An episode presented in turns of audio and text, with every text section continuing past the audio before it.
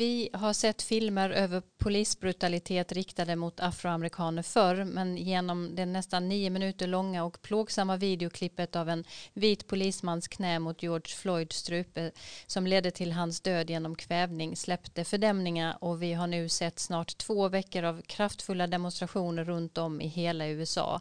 Politiker som knäböjt i kongressen och vita politiska profiler från båda partier som varit ute och protesterat och öppet talat om att de själva varit naiva som trott att diskrimineringen och det strukturella våldet mot svarta har avtagit. Vi ägnar hela detta avsnitt åt rasism och eh, ras i det amerikanska samhället. Häng med. I have a dream that one day this nation will rise up and live out the true meaning of its creed. This is a place where you can make it if you try. This is a country where anything is possible, no matter who you are. We do big things. Together, we represent the most extraordinary nation in all of history. What will we do with this moment? How will we be remembered?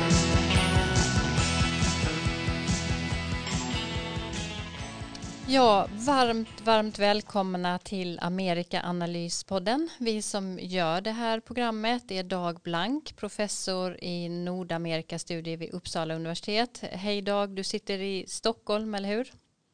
Ja, hallå hallå. Mm. Och sen har vi eh, Karin Henriksson, författare och journalist eh, eh, som är bosatt i Washington. Hej Karin. Hej hej.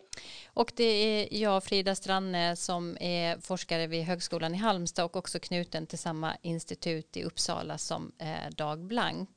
Eh, ja, eh, det är alltid kul att få ha den här timmen med er varje vecka eller varannan vecka där vi har tid att gräva ner oss i olika ämnen som rör USA, den amerikanska samhällsutvecklingen och politik. Men idag är det ett ganska tungt ämne utifrån också en tung påminnelse om den diskriminering som svarta i USA fortfarande är utsatta för. Och det utlöstes ju av en fruktansvärd händelse men som faktiskt inte var det enda under detta året eh, eh, så, som har gett uttryck för samma sak. Det har faktiskt redan varit en lång rad incidenter av polisbrutalitet eh, under den här våren. Breonna Tyler till exempel sköts den 13 mars med åtta skott när poliser tog sig in i, i hennes lägenhet och Mike Ramos eh, den 24 april i Austin, Texas. Eh, båda på sätt som väckt reaktioner och eh, stort Eh, eh, stora protester. Vi ska prata om detta och annat som rör rasism och diskriminering idag. Eh, som sagt, men jag skulle vilja börja med att fråga er om era första möten med rasism i USA och hur det påverkat er. Karin, eh, du har ju bott i USA väldigt länge, men vad kan du säga om det? Ja, jag har bott i Washington i över 30 år och eh, där bor faktiskt färre vita än svarta och eh, ja, staden är segregerad men eh, de flesta har ju kontakt med människor och andra etniska grupper varenda dag. Och de, vi ska kanske komma ihåg det att de flesta amerikaner är inte rasister och de behandlar varandra med stor respekt och debatten om ras och rasism den pågår ständigt. Men såklart om man då ska åstadkomma varaktiga förändringar och det är det som diskuteras nu så skulle det krävas först och främst att alla erkänner problem det problemet som ligger till grunden i, i själva verket, nämligen att alla inte har samma utgångspunkt i livet. Och eh, vi får se om detta som har hänt de senaste veckorna verkligen ändrar på den saken. Mm. Dag? Ja, mitt första möte med de här frågorna det var i slutet på 1970-talet i Illinois när jag var student vid Augustana College och fick uppleva Eh, segregering, hur vita och svarta studenter höll sig för sig själva. Man fick naturligtvis kontakter med svarta studenter men det var en väldigt tydlig uppdelning. Och även i Chicago, där jag hade flera goda vänner, att resa i Chicago då och även idag skulle jag vilja säga, Chicago brukar man säga är det svarta USAs huvudstad. Eh, och på sydsidan i Chicago, där det finns stora svarta områden, att köra igenom de områdena, där ser man den knivskarpa segregeringen eh, när man åker genom olika neighborhoods. Och den känslan blev väldigt stark, en påtaglig känsla av hur starkt uppdelat det amerikanska samhället är. Samtidigt som Karin sa så är man student och läser på ett universitet så blir man ju hela tiden påmind om de här frågorna för de diskuteras ju intensivt. Mm. Tycker ni att de protester som vi nu ser skiljer sig från, från tidigare? Det är ju inte alls första gången vi har väldigt starka protester heller. Eh, 2013 till exempel, för att ta någonting som är nyligen i tid, så skapades ju Black Lives Matter eh, efter mordet på Trayvon Martin eh, och eh, för 2014 eller 2015 var det också nya protester. Finns det något som skiljer nu, Karin? Ja, jag bevakar både Trayvon Martin-fallet och skotten mot Michael Brown i Ferguson i Missouri eh, 2014 när jag var korrespondent och eh, jag tycker att det är skillnader. Opinionen är entydig den här gången mot polisvåldet och mot ojämlikheten och personligen så tror jag och jag antar att jag inte är ensam om det att eh, de här fredliga demonstrationerna i synnerhet eh, riktar sig också mot Donald Trump och hans politik. Och eh, sen är det ju så att USA har en lång historia av, av våld och att det ofta, det våldet ofta har lett till förändringar. Mm. Ja, vi har ju som enda Eh, och långa tema idag just rasfrågan eh, och de här protesterna. Och när vi ser protester i USA i reaktion mot polisvåld mot afroamerikaner så, så startas ju också genast en diskussion om ras och rasism och vi hör de här begreppen dagligen eh, också i svensk media till följd av detta. Men vad står de här begreppen egentligen för Karin?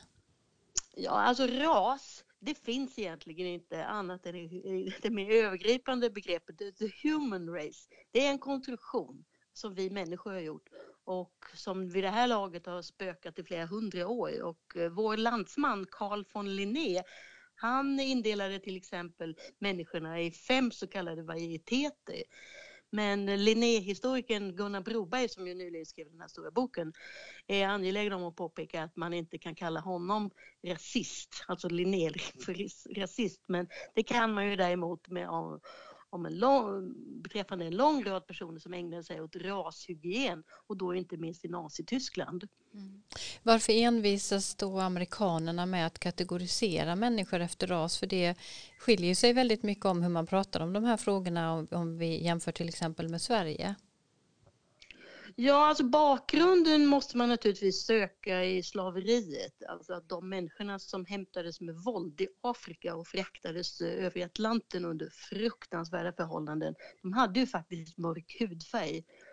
Och sen då senare så har man använt de här kategoriseringarna eh, efter ras, så kallad ras då, fast det inte finns så att säga. Vit, svart, indian, latino, asiat för att kartlägga och jämföra levnadsförhållanden för olika befolkningsgrupper.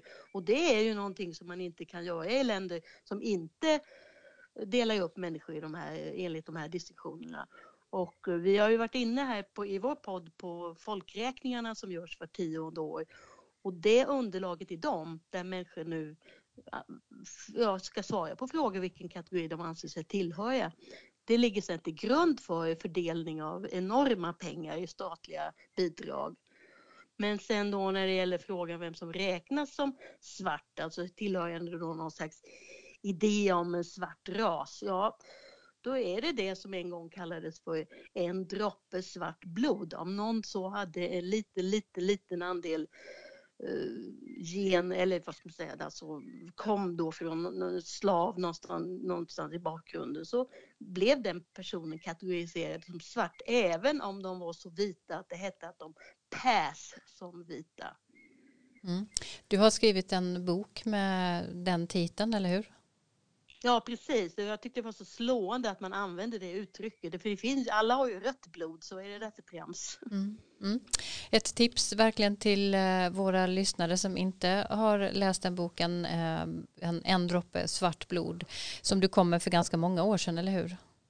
Ja, den kom 2013, eh, men det var efter Trayvon Martin-fallet och sen ska man också kanske, tyvärr är det ju så att mycket, det mesta i den boken är aktuellt fortfarande. Mm.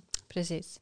En annan av vår, våra landsmän här i Sverige, Gunnar Myrdal, skrev en klassiker som fortfarande finns med på listor över oundgänglig litteratur om afroamerikaner, en American Dilemma. Han reste runt i sydstaterna på 1930-talet och blev då förfärad över vad han såg. Eh, kan du berätta lite mer om, om det, Dag? Ja, Gunnar Myrdal blev inbjuden av Carnegie Foundation, Carnegie-stiftelsen på 1930-talet att komma till USA för att studera då vad man kallade för rasrelationerna, relationerna mellan svarta och vita. Och han hade en ett forskargrupp som jobbade i flera år. Och boken kom ut 1944. Eh, en av medarbetarna var Ralph Bunch, eh, den första afroamerikanen som fick Nobels fredspris senare. De kom över 38 och eh, boken kom ut 1944 och den är på över 1500 sidor. Och en mycket detaljerad studie av de svartas situation i USA de svartas underordnade, de mycket svåra levnadsomständigheterna i vilka de levde. Det var fullt av data, fullt av statistik och fullt av intervjuer. Och, och eh, han reste runt överallt och studerade, intervjuade folk. Och då ska man komma ihåg att vid den här tiden så existerade ju fortfarande legal segregering i många sydstater. Boken blev en bestseller och fick ett enormt inflytande på diskussionen om relationen mellan svarta och vita. Titeln på boken är intressant. Varför heter den An American Dilemma? Ja, den är kallad så för att för Myrdal fanns i USA ett grundläggande dilemma som handlade om relationerna å ena sidan mellan de amerikanska idealen de politiska idéerna som finns i konstitutionen och självständighetsförklaringen, alla människor är lika, lika och så vidare. Å ena sidan då idealen och realiteten. Och det är det stora dilemmat så att säga. Och när skillnaderna mellan idealen och verkligheten blev för stora, menade Myrdal, så skulle den här inneboende spänningen betyda att dilemmat måste lösas på något sätt. Och Myrdal var, när han skrev boken, eh, försiktigt optimistisk. Eh, ganska optimistisk. Han menade att idealen skulle vinna över verkligheten och att det skulle gå att göra någonting åt de amerikanska, amerikan, svarta amerikanernas underordning. Den, den optimistiska synen. Det finns jättestora problem, men vi kan göra någonting och det är möjligt att förändra. Och den här inställningen finns fortfarande kvar hos många. Att det, trots de stora problemen kan man göra det. Man kan till exempel lyssna på president Obama när han talade 2015 vid 50-årsminnet av marschen i, i Selma, i Petters Bridge i Selma, Alabama, där svarta demonstranter blev beskjutna av polisen. Och 50 år senare kom Obama tillbaka och talade om hur situationen var. Och här kan man höra hans, ändå, hans optimism om att det går att göra någonting åt det.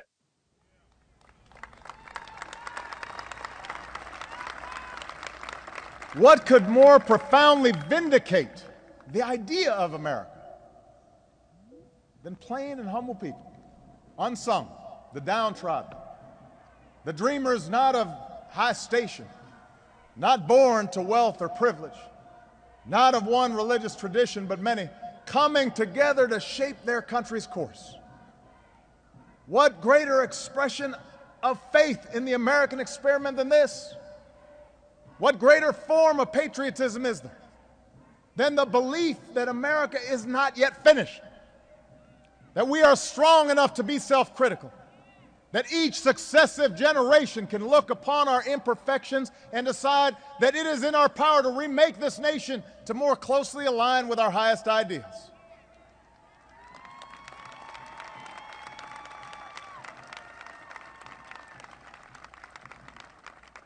That's why Selma is not some outlier in the American experience. That's why it's not a museum or a static monument to behold from a distance. It is instead the manifestation of a creed written into our founding documents. We, the people, in order to form a more perfect union, we hold these truths to be self evident that all men are created equal Ja, Dag, lever det här dilemmat kvar? Ja, i allra högsta grad och det har vi ju väldigt tydligt sett den senaste tiden. För många visar det att rasfrågan är lika aktuell som den alltid har varit och många menar nu att möjligheterna till förändringar är små Rasismen sägs nu vara strukturell, snarast inbyggd, närmast inbyggd i det amerikanska samhället. Och det som man kan brukar kalla för the post-racial America, alltså ett samhälle som kan komma fram bortom de här rasindelningarna, verkar ligga långt borta. Eh, alltså själva Obamas optimism här, att det går att ändra på saker och ting, eh, finns, är, den, är, är inte så stark just nu, utan då är det den här mera pessimistiska synen på rasrelationerna i USA. Mm. Och, och Tittar man då på vad som faktiskt har hänt och skillnaderna så är det ju verkligen så att eh, den svarta befolkningen, afroamerikanerna, har, har fått det allt bättre. Det talas ofta om det. Men givet det måste man ju också ställa frågan eh, vad som är bättre relativt. Situationen för de svarta har ju gått från slaveri via lynchningar och, och lagfäst diskriminering till att man genom medborgarrättsrörelsen har vunnit en rad framgångar och successivt eh, fått det bättre, inte minst då genom att den lagliga segregeringen har upphört. Och det finns också fler välbärgade eh, från den afroamerikanska befolkningsgruppen, högutbildade eh, och vi har ju också eh, då till slut 2009 eh, när Obama tillträdde fått den, den första färgade presidenten. Vi, vi ser fler och fler Eh, svarta har betydande politiska positioner. Vi hade flera kandidater till exempel i det demokratiska partiet eh, eh, i, i, år som kandiderade som, som presidentkandidater. Eh, Men framgångarna sker ju då utifrån ett extremt utgångsläge och jag tycker att det är viktigt också att belysa en del fakta för att få en bild av hur situationen faktiskt ser ut. Ehm, afroamerikaner idag äger fortfarande bara en procent av den totala markarealen i USA trots att man utgör när, närmare 14 procent av befolkningen. Och jag vet att i, i, många av mina samtal och intervjuer med afroamerikaner runt om i USA så har detta varit en sak som ofta har beskrivits för mig som en, en, en gammal och väldigt viktig oförrätt att man efter slaveriets avskaffande inte alls fick någon tillgång till mark och inte tilldelades eh, eh no några markbitar så som andra nybyggare och grupper som kom eh, till USA eh, fick möjligheter att få. Att just det här har skapat ett ekonomiskt utanförskap och eh, omöjliggjort för eh, den svarta befolkningsgruppen att få eh, lika mycket ekonomisk utveckling. Eh, man blev istället beroende av att vara anställd som arbetskraft och så vidare. Kan du säga någonting om det Dag? Vad det ligger i ja. det? Ja, det ligger ju väldigt mycket i vad du säger, att det finns ju oerhört stora ojämlikheter, ekonomiska och sociala ojämlikheter fortfarande. Och just efter inbördeskrigets slut så kom ju en, en period, den så kallade rekonstruktionsperioden, när, när eh, landet skulle rekonstrueras och slaveriet då hade avskaffats. Ett antal tillägg till författningen antogs. Och då utfärdades eh, en order i januari 1865 av general Sherman, en av nordstatsgeneralerna, han som ledde marschen genom Georgia mot Atlantkusten och som reglerade de svarta, nu, de nu nyblivna fria svartas situation. Och där finns det berömda uttrycket 40 acres and a mule. Att de här nya fria svarta personerna skulle få 40 acres land och också en åsna för att kunna etablera sig som jordbrukare. Att det skulle vara en lösning framåt. Och det eh, skedde. Eh, det här var framförallt på Atlantkusten i Georgia och South Carolina och i sådana områden. Och där överfördes under en kort period en hel del mark till svarta personer som skulle då etablera sig som jordbrukare.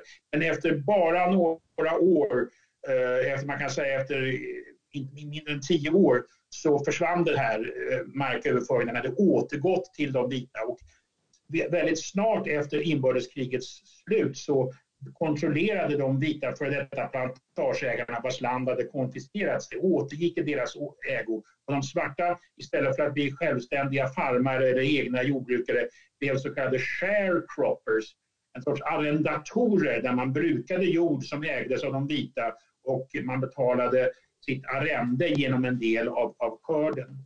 Men det här idealet om 40 acres and a mule lever kvar fortfarande. Man hör det här uttrycket och idag skulle jag säga har det att göra med synen på att det vita USA är skyldigt det svarta USA någonting. Det finns en stor och intensiv diskussion om reparation. Ska man betala tillbaka? Ska något sorts skadestånd, ska det vita USA ge något sorts skadestånd till den svarta befolkningen på grund av detta? Och då återkommer man ofta till det här 40 acres and a mule. Det var det man hade blivit lovade och så fick man inte och tittar man då på liksom den, den, ekonomiska utanförskapet eller eh, strukturella skillnaderna som har skapats bland annat utifrån detta så, så säger eh, siffror från 2018 att afroamerikanernas tillgångar bara utgör 7 procent av vad den vita befolkningens samlade tillgångar eh, utgör. Medianhushållet bland vita hade tillgångar då eh, 2018 på 130 800 dollar medan motsvarande siffra för en svart amerikan var 9590 och det är enorma skillnader. Afroamerikaner med en collegeutbildning hade faktiskt mindre tillgångar än vita utan motsvarande utbildning. Eh, vilket ju synliggör verkligen de här stora skillnaderna. Man är ju också starkt överrepresenterade i fängelse, eh, givetvis också i brottsstatistiken eh, som många förklarar med just hur man lever mer utsatt. Eh, och det är också mer sannolikt att en, en svart man till exempel ska dömas till döden eller eller eh, livstidsfängelse för samma typ av brott som vita och det har ju då med rasistiska strukturer att göra. Men med detta sagt, ska man ändå prata om framgångar? Vad, vad, vad tänker ni om det, Dag? Ja, om man jämför det här klippet vi hörde från Obama, från Selma, där säger han så här att om man jämför situationen idag, 2015 då, med hur situationen var säg 1950 eller ens 1960 så är det mycket stora skillnader. Det har ju skett enorma framsteg när det gäller till exempel den legala segregeringen har upphört. Eh, medborgarrättslagen antogs 1964 och The Voting Rights Act, rösträttslagen 1965. Och det har ju betytt stora, betydande förändringar. Formella och juridiska förändringar har skett. Sen har också det fram, inom ekonomiskt och socialt har det genom inte minst affirmative action, systemet med positiv särbehandling, så har den svart, inom den svarta gruppen som har fortfarande en stor grupp fattig svart underklass, men det finns också en växande medelklass, skulle man kunna säga. Så den har skiktats, den svarta gruppen är mer skiktad idag. Eh, det finns en medelklass men en, samtidigt en stor underklass. Så har, den typen av framgångar har skett samtidigt då som de här problemen som vi har sett Minneapolis över hela landet och det är siffror som du fortfarande kvarstår. Mm det är ju väldigt, väldigt svårt att prata om, om alla de orsakerna som finns till att det fortfarande ser ut som det faktiskt gör 2020 och vad som krävs för att vi ska få en riktig förändring. Det är väl däremot viktigt att titta till hela bilden. Om vi, eh, ni precis som jag blir ju uppringda såna här, vid sådana här tillfällen av journalister som eh, ivrigt ställer frågor om det vi nu ser verkligen är början till någon, någon stor förändring och ett riktigt erkännande av, av det här. Och det, jag brukar i alla fall vara noga med att understryka just att eh, enskilda saker som nya riktlinjer för polisutbildningar eller att riva statyer skapar ju inte en, eh, enskilt några substantiella förändringar för vi pratar verkligen om, om flera olika strukturella ojämlikheter som finns i detta. Eh, har du någon kommentar till, till det här Karin? Ja, ja, för min del så tror jag faktiskt på, tror jag faktiskt att sådana här symboliska handlingar är viktiga och som kanske borde eh, räknas in i det som Dag talade om för en stund sedan. Att eh, det, är faktiskt vissa saker som idag inte anses eh, lämpliga att säga. Och nu det senaste nu, och det är det jag menar, jag tycker det är en stor skillnad nu under den här gången efter de här processerna jämfört med bara för några år sedan. För, och, och likaså har det ju varit länge tal om att man ska en gång för alla göra sig av med sydstatsflaggan. Och häromdagen så kom beskedet att då de här motortävlingarna, biltävlingarna som är väldigt populära i sydstaterna, Nascar, att man där ska förbjuda de här flaggorna vid alla tävlingar. Och det tycker jag är ett ganska tydlig markering från en viss grupp i samhället att det här accepterar vi inte längre. Och sen, men det är en, en sak som försvårar fortsatta framgångar är samtidigt att det finns en känsla bland många vita att liksom, diskriminering finns inte längre. Det är nästan tvärtom, att det är nu vita som diskrimineras genom positiv särbehandling. Så det är väldigt komplicerade frågor vi talar om. Mm. Och där kan det ju klart ha stor betydelse att vissa profilerade eh, så kallat vita politiker nu ändå talar om det här att man har varit naiv, att man inte riktigt har sett eh, problemen för vad de verkligen är och så vidare. Det kan ju ha en, en viktig betydelse för det samtalet kanske.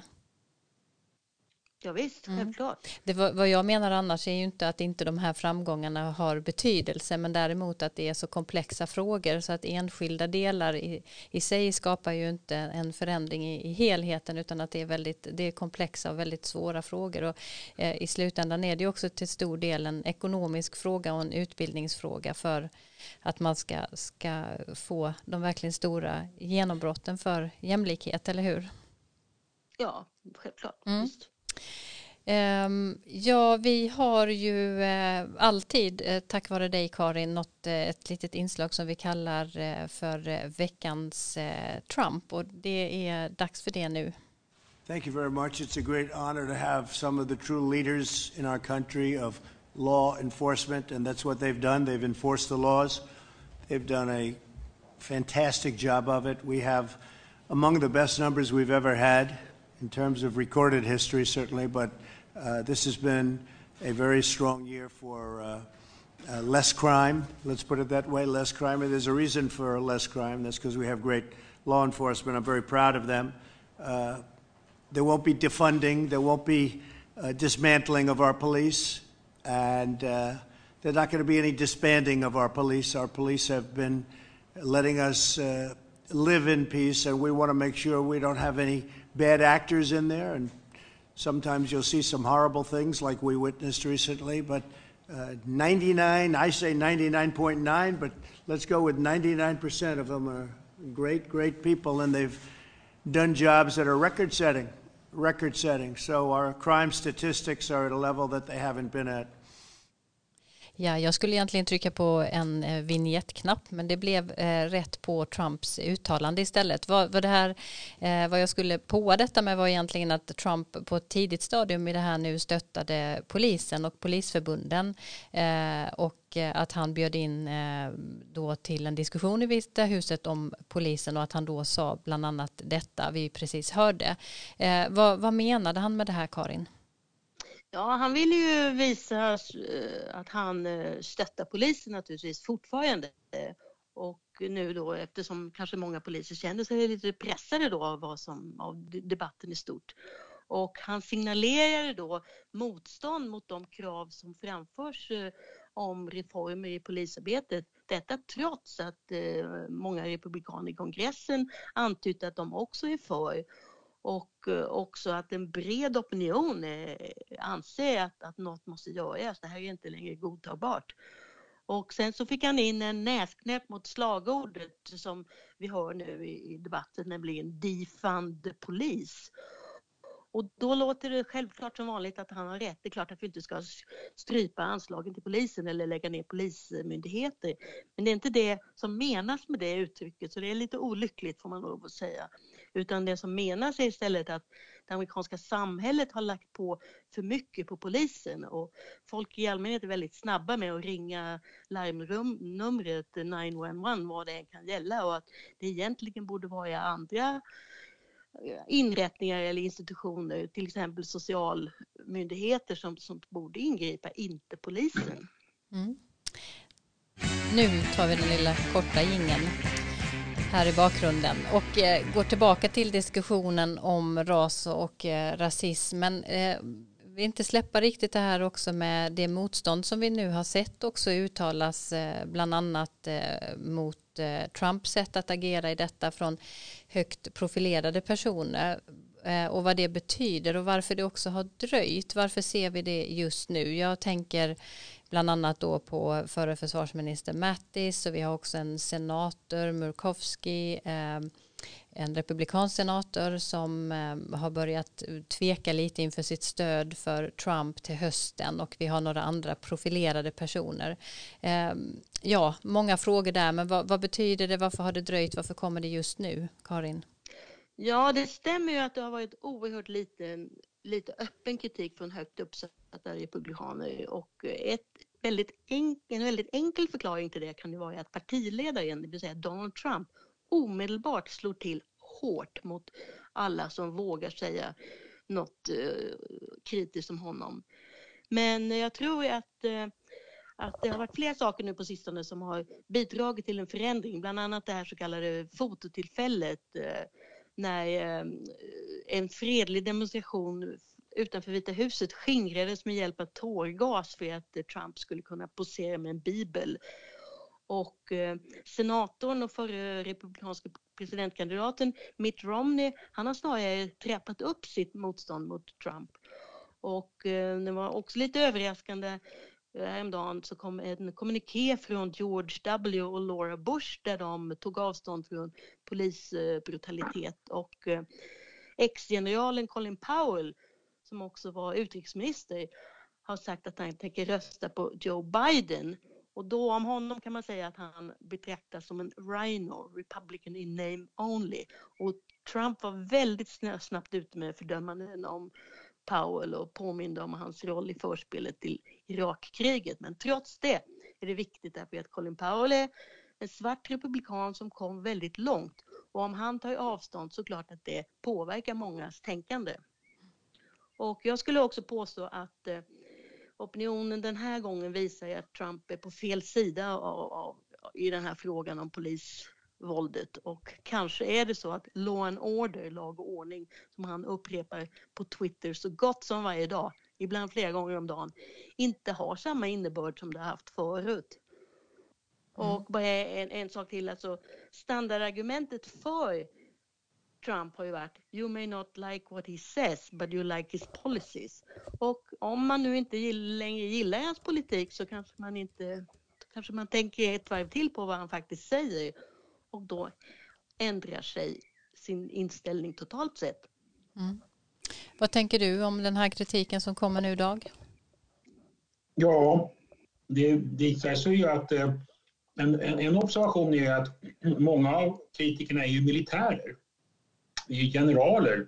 Powell och vi har ju Mattis och även Kelly och andra, andra framstående militärer som kritiserar presidenten. Och en observation man kan göra där är att den amerikanska armén och the armed forces och flottan och, och flygvapnet, det är en väldigt väl integrerad organisation, institution i USA. Kanske en av de bäst fungerande Eh, in, institutionerna ur det här aspektet. Och man ser ju många svarta officerare och många svarta generaler som vi har, som vi har sett där. Och, de, och så kritiken som kommer från sådana som Mattis och Kelly kan delvis vara på grund av att de är så präglade av att ha levt i en stor del av sitt liv i en väl integrerad, rasligt integrerad institution. Mm. Ehm, ja, jag har, jag har tittat på, på två dokumentärer på Netflix den, den senaste veckan. Den ena heter 13 och eh, den andra är Becoming med um, Michelle Obama. De, de här båda två är, är, ganska bra tips tycker jag just i relation till uh, rasfrågan och diskriminering och uh, Eh, både vad det gäller olika eh, lagar och system men också eh, känslan och utsattheten bland afroamerikaner. Inte minst det senare där hos, i, i filmen om Michelle Obama, Becoming, där hon på olika sätt pratar och berör frågor som har med att vara svart och ta sig fram i samhället att göra. Ehm, jag är kanske inte jätteförtjust i, i det lite kletiga sättet som ibland blir säger eh, när man eh, gör den här typen av dokumentärer. Men eh, jag tyckte samtidigt att det var väldigt intressant att, att lyssna på det just och titta på det med just de ögonen också eftersom det här sker nu eller den här finns just i en tid av oroligheter och protester som, som, vi, som vi ser och följer just nu. Men när det gäller den här andra filmen eller dokumentären 13 som handlar om det trettonde tillägget till konstitutionen, till den amerikanska konstitutionen, eh, så tyckte jag den var väldigt intressant. Och en sak som delvis överraskade mig i det var hur många, väl, verkligen många svarta som fängslades direkt efter slaveriets avskaffande och hur eh, det här trettonde tillägget på sätt och vis, i alla fall enligt de här, den här dokumentären, möjliggjorde för slaveriet att fortsätta i nya former eh, i fängelserna. Kan du, kan du kommentera det och utveckla det lite, Dag? Ja, det trettonde tillägget det är ju ett centralt tillägg, det första av de tre tilläggen som antas i slutet av inbördeskriget. Då. Det är det som förbjuder slaveriet helt enkelt. Den olösta frågan från konstitutionskonventet i Philadelphia där man inte kunde ta upp den för det var så splittrande. Och där förbjuds slaveriet. Men det finns, vad filmen säger, det finns också en så kallad exception clause i den. Eh, eh, det vill säga att eh, det, vad som förbjuds är slaveriet och vad som kallas för på engelska involuntary servitude. Det vill säga ofrivillig tjänst enligt Karins fina konstitutionsöversättning. Och den här e- exception då säger då att de, det är förbjudet, det får man inte ha. Utom om man är dömd för ett brott. Då får ens frihet inskränkas genom tid till exempel i fängelse och det är väl det som räknas då som involuntary servitude, ofrivillig, ofrivillig tjänst alltså. Och enligt filmen så öppnar detta exception clause, det här undantaget för att eh, dörren för den starka svarta den starka, starka överrepresentationen i amerikanska fängelser. Den antyder mer eller mindre att förbudet mot slaveriet på så sätt bars tillbaka. Det, det var inte detta fantastiska 13 tillägg, det upphävde inte Om detta kan man säga väldigt mycket. Eh, det är helt klart att efter rekonstruktionseran, de här första tio åren efter inbördeskriget, när saker och ting, rasrelationerna förbättrades och till och med politik, svarta politiker valdes in i kongressen och så. Efter den eh, tidens upp, rekonstruktionserans upp, upphäva, upphörande så kom en lång rad av så kallade Jim Crow-lagar som ju skapade en laglig segregering och laglig underordning och kriminaliserade väldigt mycket av det svarta livet. Och det är, eh, väldigt, det är helt klart. Eh, jag är inte helt säker på att, att det hade att göra med exception clause till 13 tillägget. Jag tror det hade kommit i alla fall. Jag tror inte exception clause hade behövts. Om inte exception clause hade funnits i 13 tillägget tror jag ändå vi hade sett detta argument. Men filmen talar egentligen ganska lite om det. Den lägger väldigt mycket tonvikt vid den nuvarande situationen, dagens situation, där vi svarta är mycket överrepresenterade i amerikanska fängelser. Och det är en utveckling jag sett inte minst de senaste årtiondena minst genom Clintons eh, crime law på 90-talet som öppnade dörrarna för en mycket stor ökning av svarta i amerikanska fängelser. Mm. De talar ju till och med om eh, eh den det fängelseindustriella komplexet tror jag att de eh, kallar det översatt eh, och eh, det är nog en, en fråga tänker jag som vi ska komma tillbaka till och fördjupa oss i lite i podden för att det är faktiskt eh, också en, en, en viktig aspekt eh, att diskutera. Ja, där har man ju, där har man en privatisering av, av, av kriminalvården i USA. Det är många privata fängelser som startar och under väldigt svåra omständigheter. Så det mm. tycker jag absolut man kan tala mer om. Mm. Men jag är inte helt säker på att det har att göra med the exception clause i 13 tillägget. Nej. Ehm, jättebra, vi eh, kommer absolut tillbaka till det. Det finns ju oerhört mycket pengar då också i, de här, i det här fängelsesystemet som, vi, som tas upp här. Eh, Donald Trump sa nyligen faktiskt att ingen har gjort lika mycket för svarta amerikaner som hans administration. Ehm, vad har han gjort, Karin? Ja, han har drivit igenom några saker. Till exempel en kriminalvårdsreform som eh, gör det möjligt för vissa att bli frigivna tidigare. Han eh, har genomdrivit så kallade opportunity zones där investerare kan få skattelättnader om de satsar pengar i de här fattiga områdena. Och han har ställt sig bakom ökade anslag till eh, historically black colleges som i likhet med många andra små colleges har det väldigt svårt kärvt ekonomiskt och lär få det ännu kärvare nu efter vad som har hänt de senaste månaderna. Men i vanlig ordning ska man ändå påpeka att han överdriver de här insatserna men han ska ändå ha erkännande för att han har gjort de här sakerna.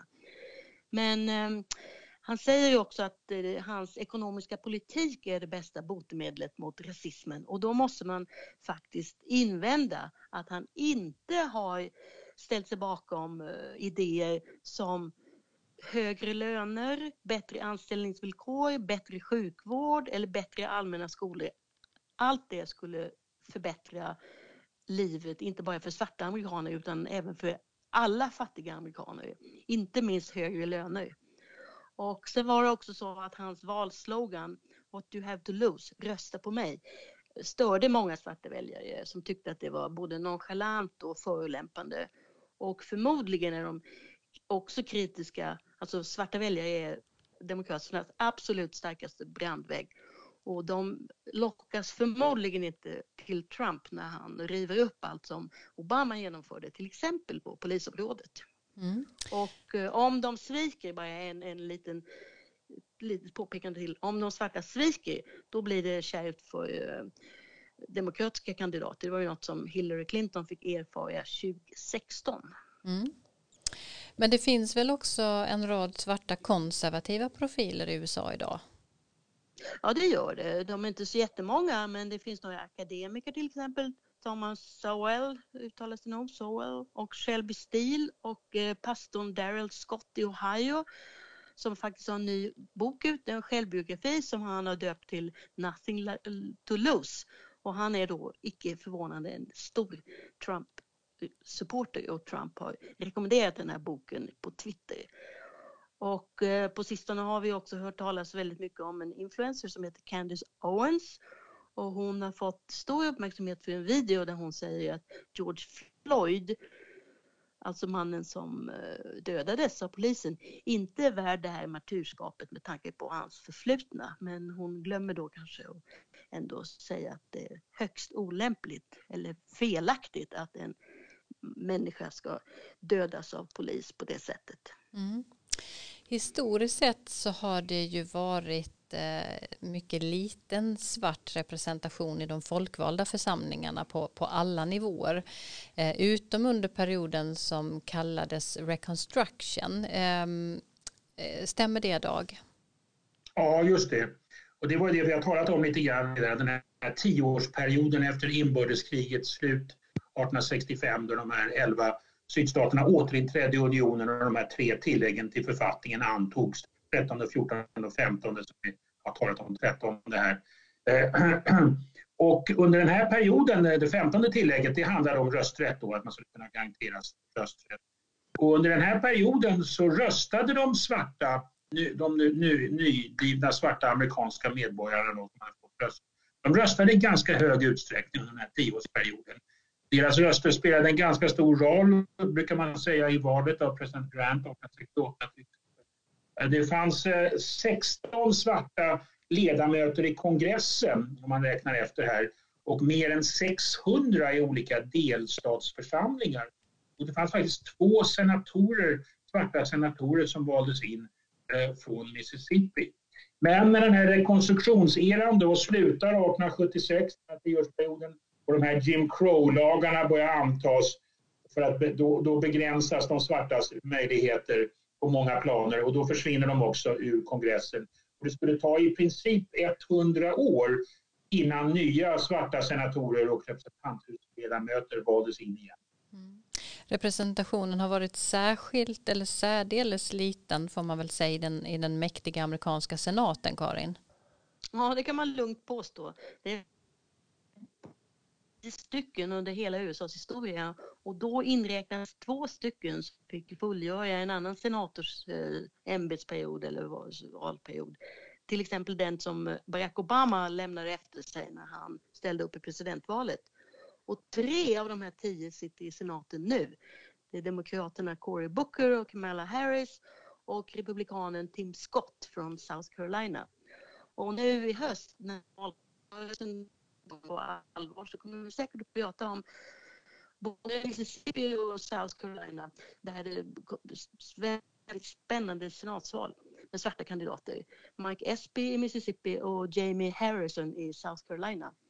Och jag träffade Jamie Harrison i en förort till eh, Charleston för inte så länge sedan där han höll ett brandtal mot den sittande veteranen Lindsey Graham som är ordförande i justitieutskottet faktiskt och han anklagade, alltså Harrison anklagade Graham för att hellre vilja åka med Donald Trump i Air Force One än att resa runt hemma i eh, South Carolina för att titta på sånt som att det inte finns några sjukhus i flera kommuner och så vidare. Mm. Eh, ja, ehm, vi använder ett nytt inspelningssystem idag som jag hoppas eh, ska leda till ett eh, bättre ljud. Ehm, det blev lite svajigt här igen. Eh, vi, vi jobbar på detta ska vi också säga till alla våra lyssnare. Ehm, så att ni vet det. Vi hoppas att det bara var en liten fnurra på tråden här i uppkopplingarna. Vi sitter ju på olika platser, Dag, Karin och jag, vilket ibland försvårar inspelningarna lite grann. Men vi, vi jobbar på detta och eh, vi ska se till att hitta en bra lösning framåt. Eh, när det gäller allt detta nu så har det varit en enorm bevakning av de pågående protesterna och av polisvåldet mot eh, eh i det här senaste fallet nu då även här i, i Sverige. Under ett par dygn i början av förra veckan så, så ringde telefonen eh, konstant med journalister från olika medier som vill ha kommentarer. Eh, jag är säker på att samma sak gäller för er båda. V vad, vad är detta ett uttryck för Dag? Det är ett uttryck för den svenska relationen till USA som alltid har varit väldigt stark. Det svenska intresset för USA som ju just nu är på topp, skulle jag vilja säga. Inte bara på grund av George Floyd och alla upploppen och rasproblematiken men även på grund av presidentvalet så, så finns ett enormt intresse för USA. Men just den svarta befolkningens ställning och situation i USA har alltid varit av, av intresse för den svenska Amerikabilden om man säger så. Eh, under 1960-talet till exempel, under medborgarrättsrörelsen då, när den växte fram, så stod den svarta befolkningens situation i fokus för den svenska Amerikabilden. Den var en väldigt viktig del och den kom att eh, nyansera och kanske underminera lite grann den väldigt svenska positiva synen på USA. Eh, vi hade till exempel ett besök av Stokely Carmichael, den svarta revolutionären och aktivisten 1967. Han kom både till Uppsala och Stockholm och han hyllades som en hjälte. Han höll ett enormt revolutionärt tal i Uppsala universitets aula som var fylld fick enorma applåder och bifall från, från det akademiska Uppsala. Kanske lite oväntat skulle man kunna säga. Eh, men Sverige stödde den svarta kampen kan man säga och medborgarrättsrörelsen hade en väldigt stark ställning i Sverige och Martin Luther King som fick Nobels fredspris kom till Sverige 1966 och det var en galakväll på Operan för honom. Man hade samlat in pengar till medborgarrättskampen och eh, gräddan av svensk elit fanns på plats, artister och politiker och så vidare och man hyllade Martin Luther King och hans arbete. Och där höll han också ett tal där han tackade Sverige. Och jag tänkte vi kunde se om vi kan spela några sekunder från det där talet, hur han, hur han beskriver Sverige och, och sin inställning till vad svenskarna har gjort. I am deeply moved by this magnificent demonstration of goodwill and support for the cause of racial justice in America. Never before has an entire nation come forth with such a total commitment to our cause. And truly, Sweden is a nation with a conscience and truly, Sweden demonstrates in her life and politics a recognition of the interrelatedness of all mankind. Ja, Dag. Ja, det där var, och han, han tackade också Gunnar Myrdal som satt i publiken faktiskt och som ju då var författaren till American Dilemma. Det gjorde nog Myrdal väldigt nöjd. Han fick en speciell shout-out från Martin Luther King. Men eh, jag tror att de här positiva omdömena som han här ger om Sverige som ett land med ett samvete, föregångsland, stöd och så det gav, eh, stödde vår svenska självbild också om, eh, om Sverige som ett föregångsland och kanske att Sverige hade ju hittat en del lösningar som resten av världen skulle ta över. Man kan också bara slutligen säga att man kan säga att idag då om man jämför situationen under 60-talet med idag. Idag har ju Black Lives Matter-rörelsen fått ett väldigt starkt stöd också i Sverige. Vi har ju demonstrationer här i Sverige på flera platser och där finns en intressant koppling numera skulle jag vilja säga mellan grupper i Sverige som upplever sig som underordnade, diskriminerade och de gör en koppling till USA och, och, och talar om att det som sker i USA, polisens attityd i USA, det kan vi också se här i Sverige. Så att de amerikanska influenserna som är starka i Sverige i allmänhet kommer också in i den här sfären i diskussionen om relationer mellan etniska grupper och ras. Mm. Vad är din reaktion på, på den här intensiva bevakningen eh, som vi ser i Sverige, Karin? Ja, lite kort bara så skulle jag säga att jag har blivit rätt förvånad för att eh, jag skulle tycka kanske att man kunde upp kunde gräva lite mer i sådana missförhållanden i andra länder och kanske även i Sverige för att nu fortsätta lite på Dags eh, eh, synpunkter nyligen. Men då kan jag säga när jag satt och funderade på det här så hörde jag faktiskt ett nyhetsinslag i Studio 1 i P1 om Belgien med sin mycket brutala historia och eh, tänkte att det finns ju sånt att titta på i de flesta europeiska länder som har haft kolonier i Afrika eller Asien. Och vad gäller Sverige så tror jag som Dag att det är lite hatkärlek. Å ena sidan är det många som vill blicka mot USA som en förebild och på många sätt är det ju det när det gäller debatten om, om rasfrågan och rasism. Men å andra sidan så finns det nog en del som tycker att de där spänningarna kan fortsätta och särskilt om de anses bero på republikanerna. Mm.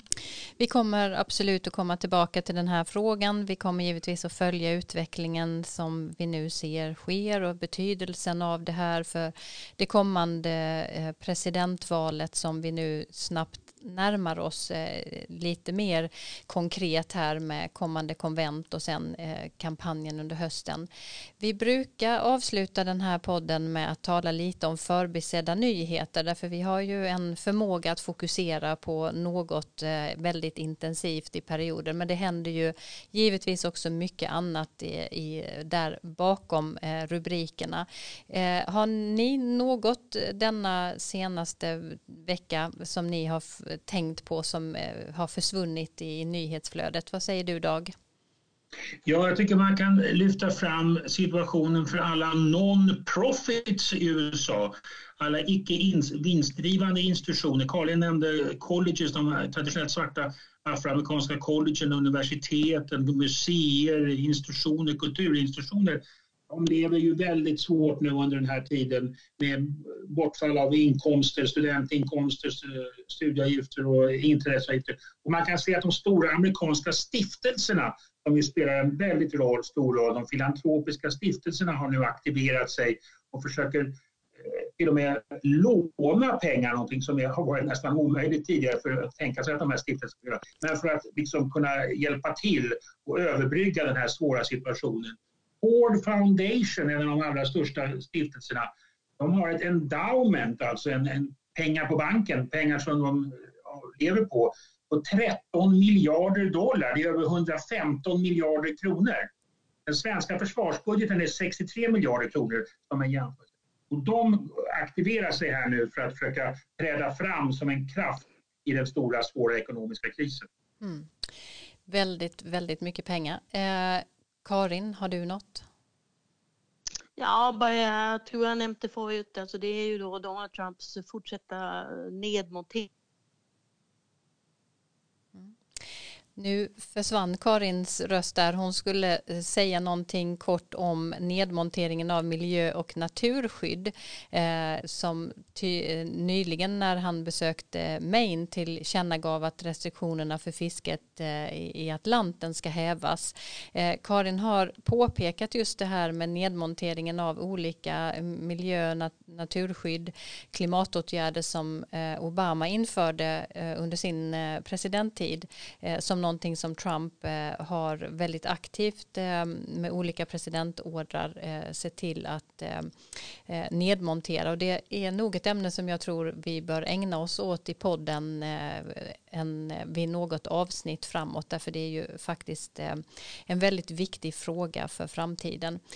Eh, stort tack Karin och Dag för alla insiktsfulla beskrivningar och tankar om dagens svåra ämne. Vi börjar nu närma oss den här uppstarten för presidentvalskampanjerna och själva valet och det blir intressant att se faktiskt vilken roll frågan om rasism och diskriminering kommer att spela under, det kommande, eh, under den kommande sommaren och hösten. Men men framförallt vilka konkreta förändringar som faktiskt eventuellt följer i kölvattnet av de kraftiga protester som vi nu bevittnar. Tack Johan Lindström för hjälp med ljudet. Vi är tillbaka igen den 25 juni. Ta hand om er och eh, varandra tills dess. I have a dream that one day this nation will rise up and live out the true meaning of its creed. This is a place where you can make it if you try. This is a country where anything is possible, no matter who you are. We do big things. Together, we represent the most extraordinary nation in all of history. What will we do with this moment? How will we be remembered?